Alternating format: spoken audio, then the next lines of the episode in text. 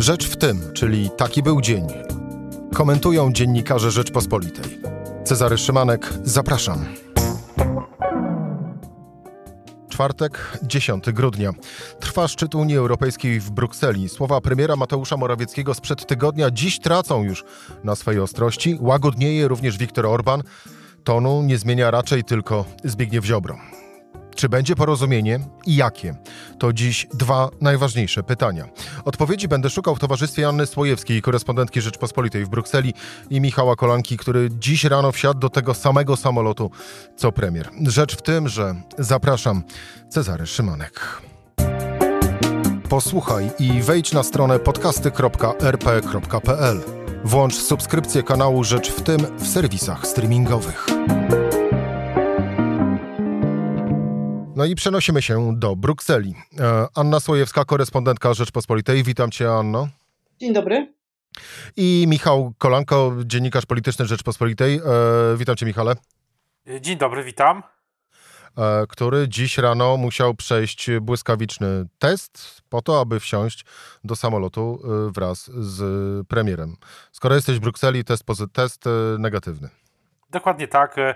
Środki bezpieczeństwa kancelaria E, premiera traktuje e, bardzo e, poważnie. No i teraz zastanawiamy się wszyscy, co, co dalej. Ja też obserwuję mm, to, co się dzieje jednocześnie w Warszawie i te echa wczorajszej debaty nad odwołaniem Jarosława Kaczyńskiego.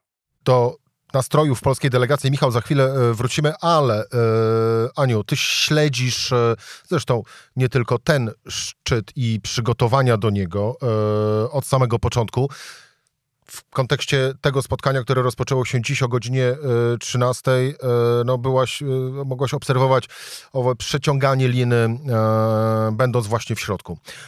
W którym miejscu jesteśmy w tej chwili, jeżeli chodzi o osiągnięcie porozumienia, wedle Twoich informacji? Mi się wydaje, że to porozumienie jest już naprawdę bardzo blisko, ale jak zwykle w przypadku takich tematów bardzo kontrowersyjnych, bardzo ważnych dla, dla niektórych państw, no potrzeba jest y, dużo dramatu na tym ostatnim etapie, czyli na, na posiedzeniu przywódców.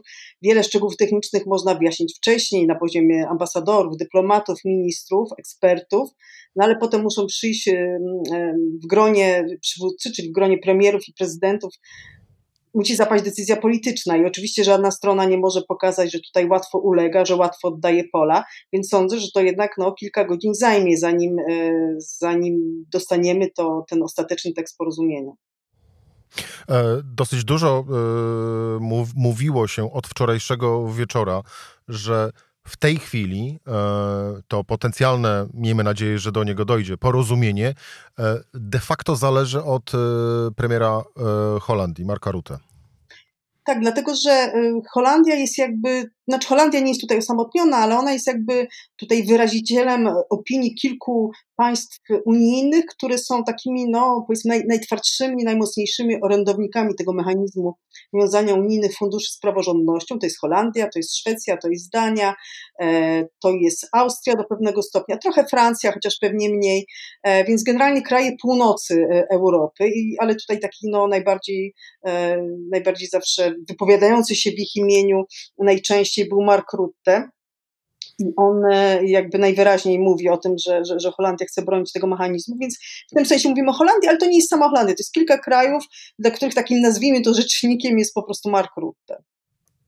Czy faktycznie Mark Rutte może być tym czasowstrzymywaczem, jeżeli chodzi o podjęcie e, ostatecznej decyzji na tym szczycie? Na pewno, jeśli chodzi o to, co obserwowałem, e, ten ton i takie właśnie moje wrażenie, jeśli chodzi o postawę polskiej delegacji, to rzeczywiście mam, rzeczywiście mam wrażenie i też, e, że, że, Pola, że polski rząd liczy się z tym, że tak może się e, stać i że to może potrwać, bo w e, Holandii w przyszłym roku wiosną są wybory. Natomiast wracając do tej dramaturgii, to ja się absolutnie zgadzam i jeszcze jest jedna rzecz, że i, i premierowi Rutte ale w jakimś sensie też premierowi Morawieckiemu może zależeć na tym, żeby nie było w, w krajach, w Polsce i w Holandii wrażenia, że poszło tutaj e, zbyt łatwo, e, więc e, ta dramaturgia no, po prostu musi być. No, nie ma nie ma innej chyba możliwości. Dramaturgia musi być, ale każdy dramat musi mieć swój finał, e, chociażby nawet z tego powodu, żeby wszyscy bohaterowie tego filmu, tego filmu przeżyli. Czy tym finałem, tak jak się już wczoraj wieczorem mówiło, będzie kompromis polegający na e, przyjęciu przez Radę Europejską konkluzji, w których miałyby się znaleźć e, dodatkowe zapisy, które będą jakby w cudzysłowie mówiąc tłumaczyły, bądź też były mm, postscriptum do owej e, zasady respektowania e, powiązania praworządności z wypłatą funduszy europejskich. Aniu. Do tego myślę nie ma wątpliwości. Tak, to będzie efekt tego szczytu, o tym dzisiaj mówimy. Przy czym same te konkluzje szczytu, czyli jakby taka deklaracja, wnioski polityczne przywódców Unii, to już nawet nie budzi takich wielkich wątpliwości, bo dla takich krajów jak Holandia, właśnie Szwecja, Dania, czy dla Parlamentu Europejskiego kluczowe było to, żeby nie zmieniać tej treści rozporządzenia. No, różne wyjaśnienia można sobie dodawać. Natomiast z tego, co rozumiem, z tego, z tego co, co słyszę z różnych źródeł, w tej chwili tak naprawdę dyskusja też toczy się o opóźnienie stosowania tego mechanizmu. To jest w ogóle bardzo ciekawe, dlatego że w zasadzie Polsce absolutnie nie powinno na tym zależeć. To jest wyłącznie żądanie Orbana, który tutaj wykorzystał Polskę instrumentalnie, żeby, żeby nas do tej gry wciągnąć. Orban po prostu chce, żeby ten mechanizm zaczął obowiązywać po jego wyborach, po 2002 roku mówiąc kolokwialnie, żeby przez dwa lata mógł jeszcze spokojnie kraść również pieniędzy z obecnej perspektywy budżetowej, bo na Węgrzech y, jest ogromna, ta, ten współczynnik y, y, korupcji godności przy wykorzystaniu unijnych funduszy jest bardzo wysoki. To są wszystko ludzie powiązani z Orbanem. I Orban chce, żeby ten mechanizm był po prostu opóźniony, to znaczy do momentu, do którego Unijny Trybunał Sprawiedliwości nie wypowie się o zgodności tego, tego mechanizmu z traktatem, czyli pewnie około dwóch lat, żeby ten mechanizm nie działał. Jak rozumiem, co do tego, odnośnie do tego właśnie i Holendrzy, i eurodeputowani mają sporo wątpliwości. Uważają, że, że, że to nie jest, y, no, że to powinno się jakoś inaczej jednak zapisać, żeby była teoretycznie możliwe, że Komisja Europejska może od razu, jeśli uzna, że jakieś pieniądze są rozkradane, to żeby mogła od razu występować z wnioskami o ukaranie takiego kraju. Aniu, dotknęłaś e, dosyć wrażliwego, e, ale bardzo z kolei ważnego tematu. I teraz z kolei przenieśmy się do, do, do, Michała. Michał, ty dzisiaj leciałeś do Brukseli z polską delegacją i też w towarzystwie innych polskich dziennikarzy. E, czy w którymkolwiek momencie dziś padało pytanie, nawet powiedzmy nieoficjalne, bez cytowania nazwiska osoby odpowiadającej, o to, czy jest poczucie wykorzystania Warszawy przez Budapeszt? E, dzisiaj takich sygnałów nie, nie zarejestrowałem. E, dzisiaj, dzisiaj, jeśli chodzi o e, ten nastrój, czy, czy, czy ten ton, to też miałem takie wrażenie, no właśnie cały czas wracam do tej dramaturgii, że, że jest takie wrażenie pewnej ostrożności mimo, mimo wszystko. Co też, ale też jest jeszcze jedna rzecz, jeśli chodzi o polski kontekst. No właśnie to, jak premier Morawiecki, czy e, będzie nazywał ten, e, zakładamy, że będzie to, zakładamy, no, jeśli będzie porozumienie, to jak on będzie je nazywał, bo e, politycy w Polsce Zbigniewa Ziobry i sam Zbigniew Ziobro, ale nie tylko on, też grupa bardzo widocznych, na przykład na Twitterze eurodeputowanych Prawa i Sprawiedliwości, no, bardzo krytykuje to podejście polskiego rządu i też jest, e, bardzo krytykuje to, e, te słowa, tych, e, które padły ze ust Jarosława Gowina, o tych deklaracjach interpretacyjnych.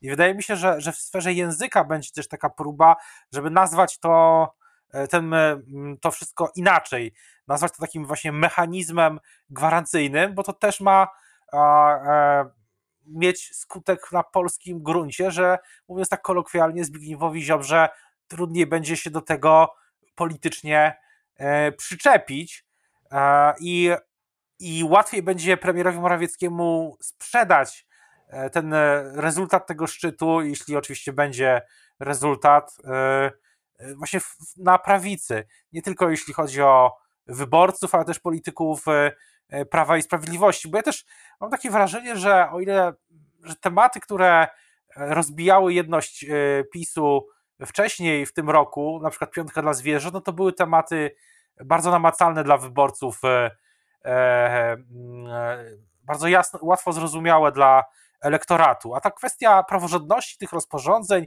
mechanizmów, deklaracji, no to jest spór wewnętrzny. rozgrywający się w tym wąskim gronie i premier Morawiecki pewnie będzie próbował też dokonywać właśnie takich korekt semantycznych, żeby ten spór łatwiej prowadzić, bo nie ma żadnych wątpliwości, że cokolwiek się tu dzisiaj albo jutro lub jutro wydarzy, no to ten spór będzie trwał.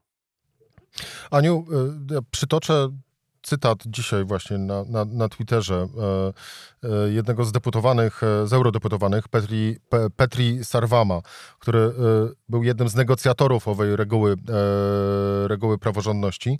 I on napisał, że e, to było po godzinie 13, a właściwie tuż przed 14, że to jest bardzo ważna wygrana właśnie owej reguły praworządności i Unii Europejskiej, bo parlament ani Rada nie poddały się groźbom. Umowa dotycząca warunku reguły praworządności nie zostanie ponownie otwarta, a regulacja zacznie obowiązywać od 1 stycznia 2021 roku. To jest dalej jakaś gra negocjacyjna, czy to, to, to są jakieś przecieki mówiące o tym, w którą stronę idzie e, porozumienie? Się wydaje, że w tej chwili to jest po prostu taka gra o wizerunek, dlatego że tak, Polska zgodziła się, żeby tego rozporządzenia nie zmieniać. W rozporządzeniu jest zapisane, że ma obowiązywać od 1 stycznia 2021 roku, więc tutaj, e, tutaj cytowany eurodeputowany ma oczywiście rację.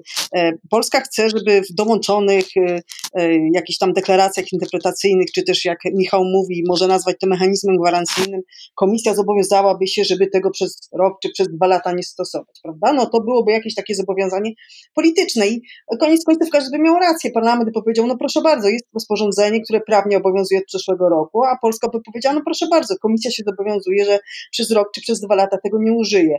Więc no mi się wydaje, że tutaj po prostu naprawdę chodzi o to, żeby wyjść z tego, z tego z twarzą dla każdej ze stron. Ja zresztą powiem szczerze, ja zupełnie nie rozumiem tego upierania się Polski, kiedy to ma zacząć obowiązywać, bo wydaje mi się, że dla Polski jest to kompletnie nieistotne, bo naprawdę u nas... Nie jesteś, nie jesteś jedyna, Aniu, która nie rozumie tego, ale również i innych rzeczy. To, ty powiedziałeś, że, że Polacy tego nie rozumieją. Polacy tego nie rozumieją. Polacy rozumieją, że mają dostać 160 miliardów y, euro, gigantyczna kasa z, z unijnego budżetu na, na, na mnóstwo inwestycji, które można zrobić w ciągu najbliższych 7 lat i nagle jeden z drugim się kłócą jakieś deklaracje interpretacyjne, które naprawdę nie mają większego znaczenia, w tym sensie, że póki co, na razie, póki e, brak praworządności w Polsce nie prowadzi do tego, że rozkradane są unijne fundusze, a nie ma takiej sytuacji, to ten mechanizm nas po prostu nie uderzy. Ale oczywiście, jeśli dojdzie do tego, że te pieniądze będą rozkradane, no to wtedy trzeba się będzie liczyć z tym, że w którymś momencie Komisja Europejska, jeśli będzie miała odwagę polityczną, to może wystąpić o zawieszenie funduszy dla takiego kraju. No właśnie, to jest jeszcze pytanie o ową odwagę polityczną, ale to zostawmy sobie na, e, na później. Z drugiej strony, e, no aż, aż korci, żeby, e, żeby to skomentować w prosty sposób, czyli no właśnie, wystarczy po prostu przestrzegać prawa, praworządności e, i, nie byłoby żadnego problemu. Jedna rzecz, ale to jest, ale stanowisko zwłaszcza Zbigniewa Ziobry, jego ludzi, ale też tych eurodeputowanych, o których mówiłem, no jest takie właśnie, że, że nie, że, że jak tylko E, premier Morawiecki się zgodzi e, na to wszystko, no to wtedy będzie wręcz koniec e, możliwości rządzenia przez tą, prze, przez nas, w sensie dokonywania zmian, a co się za tym kryje? No, kiedyś w ubiegłym tygodniu Michał Szulżyński i Bogusław Hrabota, naczelny Rzeczpospolitej, napisali, że w praktyce chodzi o to, czy Zbigniew Ziobro będzie czuł, że może dalej reformować i tutaj uh, użyję... W cudzysłowie rzecz ujmując, Michał. Państwa tego nie widzą, ale robię takie mm, w powietrzu takie uh, taki cudzysłów. Łapki. Łapki. E, sądownictwo I, I, myślę, że o to też toczy się e, toczy się gra, zwłaszcza, a jeśli chodzi o Orbana, to jeszcze jest jedna rzecz. O, to, o tym też mówią politycy w Polsce, że za dwa lata będzie po wyborach e, w, na Węgrzech, ale w Polsce będzie jeszcze przed wyborami, jeśli to są, jest konstytucyjny, y, będzie ich konstytucyjny termin, więc to też jest e, e, jakiś czynnik, który jest tej wewnętrznej, wewnętrznej grze, bo tak jak mówiłem, ja się zgadzam, że oczywiście pieniądze to jest rzecz zrozumiała, ale wewnętrznie będą się właśnie liczyć te e, przekonywanie tych, o tych niuansach. Natomiast dla samego elektoratu, co też pokazują badania, no elektorat jest, e, wyborcy w Polsce, wyborcy PiS też są zdecydowanie e, w większości prounijni. Aniu, jak teraz widzą Polskę w Brukseli? tym całym bagażem tych wydarzeń i, i, i pod hasłem weto z ostatnich e, tygodni, ale również e, z tym całym bagażem przez ostatnie miesiące, by nie powiedzieć lata. Jaką my mamy opinię w tej chwili? Jeśli chodzi o samą tę sprawę wety, ja sama starałam się to trochę dedramatyzować, bo jest tak, że różne kraje w różnych sytuacjach zgłaszają weto i dopóki jakby to jest weto taktyczne, którego celem jest uzyskanie jakichś zapisów, y, czy to nie wiem, większych pieniędzy, czy korzystnych zapisów, czy po prostu jakichś korzyści w polityce wewnętrznej, tak jest, jest w przypadku tych rozgrywek w Zjednoczonej Prawicy, to jakby inni partnerzy w Unii to rozumieją, no po prostu tak jest, politycy mają różną sytuację u siebie partyjną. Jeśli to jest na końcu, a jednak okazało się w przypadku polskiego rządu, że na końcu jest ta chęć zawarcia jakiegoś racjonalnego kompromisu, no to powiedzmy, jest, to, to nie jest jeszcze jakiś, jakaś katastrofa. No problem jednak polega na tym, że to weto dotyczyło jednak no, super ważnej sprawy i też ono nie było tak oni się starali to zrozumieć, ale o ile w przypadku Orbana rozumieli, o co Orbanowi chodzi, o tyle w przypadku Polski nie rozumieli. Oni po prostu nie wiedzieli, o co chodzi. Wiedzieli tylko, że jest jakiś ziobro i coś tam Polska chce uzyskać. W przypadku Orbana świetnie wiedzieli, to jest człowiek, który walczy o własne pieniądze. W przypadku Polski wiadomo było, że kiedyś Polska nie miała nic przeciwko temu mechanizmowi. W momencie, w którym on był sformułowany w ten sposób, że ma chronić interesy budżetowe Unii, nagle, nagle kilka miesięcy temu dołączyła do Orbana. To jest niestety taki kolejny przykład tego, że Polska trochę um, traci swój kapitał dyplomatyczny, swój kapitał polityczny na niepotrzebne batalie, na takie batalie, które naprawdę no nie, nie, nie, nie, nie chodzi o to, żeby jakieś wielkie korzyści dla Polski uzyskać, bo można ryzykować, można grozić, można wetować tam, gdzie stawka jest naprawdę wysoka. Czy tutaj to była stawka wysoka, to ja szczerze wątpię. Michał, e, na koniec e, ostatnie pytanie e, do ciebie. Jak wrócisz do Warszawy, czyli zakładając, że jutro się skończy szczyt, czyli jutro, e, to Twoim zdaniem zacznie się z kolei epopeja, e, odcinek drugi pod tytułem Tarcia w Zjednoczonej Prawicy i być może rekonstrukcja rządu? No, nie da się niczego wykluczyć. Ten rok chyba nas już tego dobrze nauczył. Jest, e, myślę, jest to wszystko rozpatrywane przez ten pryzmat wewnętrzny. Myślę, że myślę, że będzie na pewno e, że inaczej, że cała mm, ta konstrukcja się po prostu zaktualizuje, bo premier Morawiecki będzie miał e, coś, będzie miał, będzie miał jakiś rezultat tego szczytu, tak zakładam, i Zbigniew Ziobro będzie musiał podjąć decyzję, co, co dalej. O tym też piszę jutro w Rzeczpospolitej właśnie w tekście o tych wewnętrznych wewnętrznych decyzjach i kulisach e, tego, tego sporu. E, no, ale tak jak mówię, no, wydaje mi się, że wszystko jest e, możliwe i no naprawdę ten rok to byłby wtedy trzeci, czy trwa w zasadzie trzeci taki poważne, poważne przesilenie w samej, w samej Zjednoczonej Prawicy. Pierwsze było oczywiście przy wyborach w maju, drugie przy rekonstrukcji, a teraz wydaje się, że to już można powiedzieć, że trwa takie przesilenie numer 3. A cytując klasyka, czyli Leszka Millera, prawdziwego mężczyznę poznaje się po tym, jak kończy. To oczywiście też w kontekście dalszego zachowania Zbigniewa e, Ziobry. No i wtedy też może dopiero się tak naprawdę wyjaśnić, kto jest albo kto nie jest e, miękiszonem. E, Aniu, jeszcze jedno pytanie, bo ten szczyt to nie tylko budżet, czyli nowa perspektywa finansowa, to nie tylko fundusz na rzecz odbudowy gospodarek po koronawirusie, ale to także porozumienie klimatyczne i Brexit. W którym miejscu jesteśmy, jeżeli chodzi o te dwie sprawy? Jeśli będzie zgoda co do pakietu budżetowego, to będziemy mogli wtedy rozmawiać o klimacie, dlatego że klimat, czyli cel obniżenia redukcji CO2 do 2030 roku o 55%, to wymaga gigantycznych pieniędzy. Jeśli będzie budżet, jeśli będzie fundusz odbudowy, wtedy myślę, ten cel zostanie klepnięty. Tutaj Polska też ma pewne wątpliwości, ale nie jest osamotniona, jest w gronie kilku e, krajów, które po prostu mają największe koszta tej transformacji energetycznej i po prostu chcą wiedzieć więcej, chcą, chcą więcej szczegółów od komisji, jak ta transformacja ma wyglądać, jak ten cel ma być realizowany, za jakie pieniądze i tak dalej. Ale myślę, że no, tutaj akurat z tego, co słyszę, Polska zachowuje się racjonalnie, zachowuje się konstruktywnie. E, rzeczywiście Morawiecki chce zmieniać polską energetykę, chce, chce te zielone cele realizować, po prostu chce pieniądze. Ale to jest akurat normalne, to jest całkowicie zrozumiałe.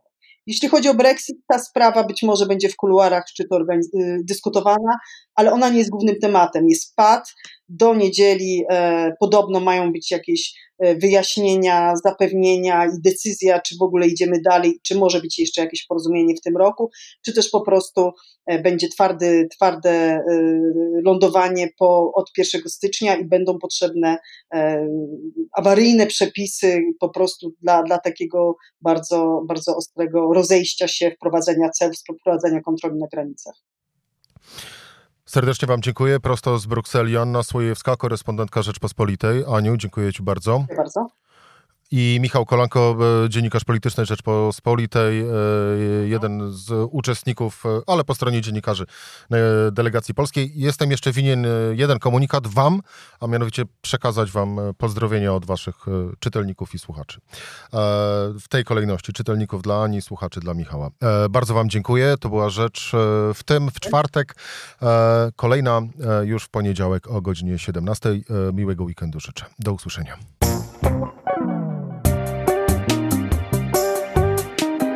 Rzecz w tym to codzienny program Rzeczpospolitej. Od poniedziałku do czwartku o godzinie 17.